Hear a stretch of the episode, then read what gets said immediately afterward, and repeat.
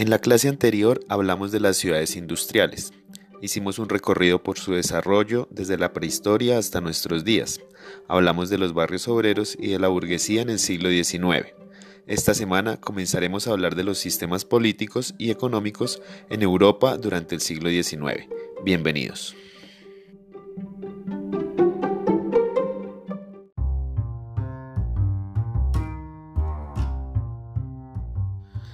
Europa, siglo XIX.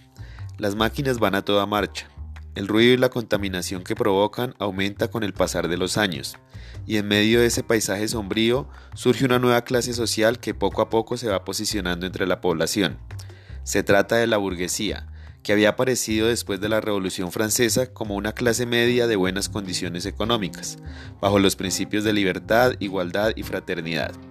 Sin embargo, ese poder que habían logrado luego de acabar con la figura simbólica del rey, pronto se convirtió en riqueza, y esa riqueza le permitió poner en marcha toda la revolución industrial.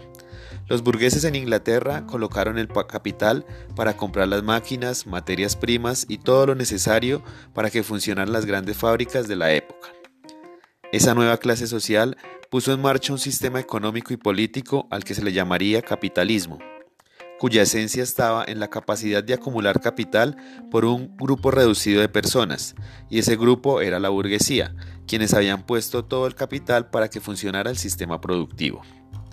El sistema económico y político del capitalismo se caracterizaba por la defensa de la propiedad privada y de los medios de producción. Las fábricas y lo que permitía para funcionar la industria no podía estar en manos del Estado sino de los individuos. Esta producción industrial necesitaba de un mercado amplio y robusto que les permitiera comercializar sus productos. Es por ello desde que desde el capitalismo se promovió un mercado libre, con poca o nula intervención del Estado.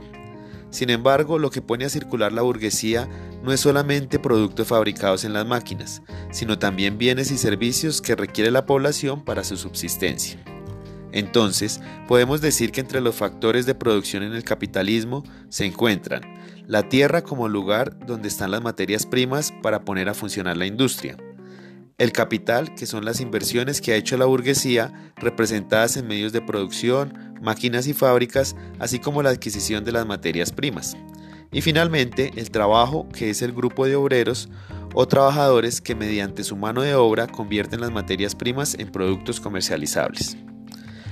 Pero ¿cómo, si, ¿cómo es que si los que más trabajan en el sistema capitalista son los obreros, los que obtienen la riqueza son los dueños de los medios de producción o la burguesía?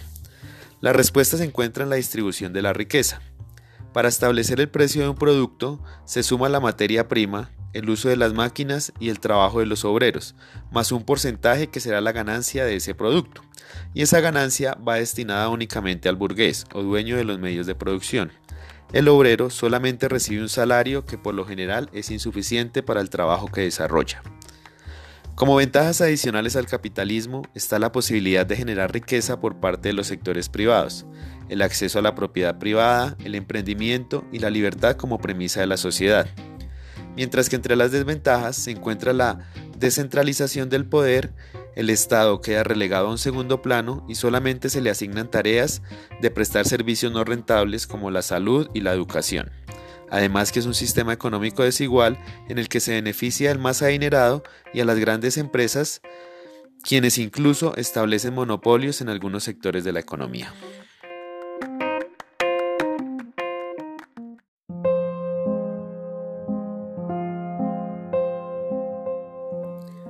El sistema económico capitalista que se fortalece en el siglo XIX ha logrado sobrevivir a diferentes crisis y en la actualidad es el sistema económico que manejan la mayoría de países incluyendo Colombia.